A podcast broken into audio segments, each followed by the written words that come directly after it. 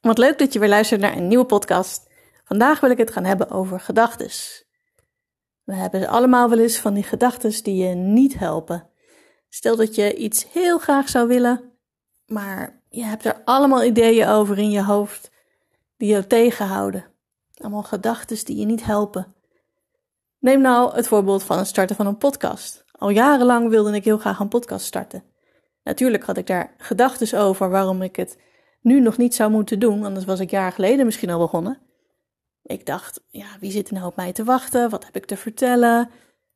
En is dat niet heel ingewikkeld om een podcast te lanceren? Dus al die dingen, die hielden me tegen.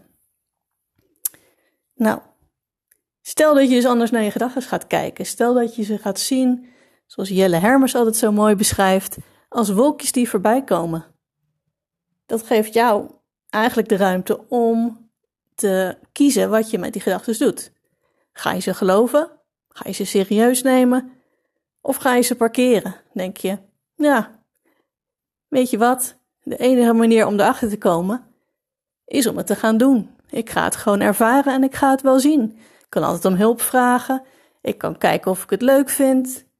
En ja, het hoeft niet een groot, moeilijk, zwaar ding te worden. Het kan ook gewoon iets kleins worden. En ja, als je je doelen bijstelt, voelt het misschien ook wel een stuk minder spannend. En er zijn vast wel mensen die je willen helpen als je het ingewikkeld vindt om het te doen.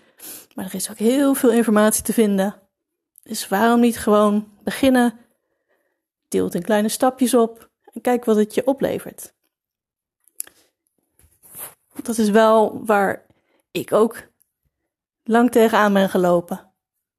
Ik ging um, luisteren naar mijn gedachten. Als ik het zo denk, ja, dan zal het wel zo zijn. En als je daar vanuit gaat, terwijl je eigenlijk stappen wil gaan zetten en dingen anders zou willen, ja, dan ga je niet komen waar je wil komen.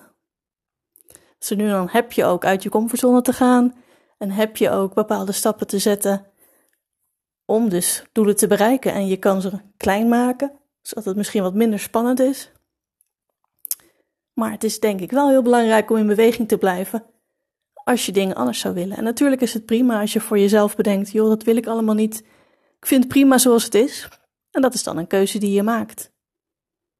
En ja, als je je gedachten dus niet meer als volledige waarheid gaat bekijken, maar daarna gaat kijken van, nou, stel dat ze niet waar zouden zijn, kan het je zoveel ruimte geven en zoveel meer vrijheid geven om dingen op je eigen manier te gaan doen, dingen toch gewoon te gaan proberen.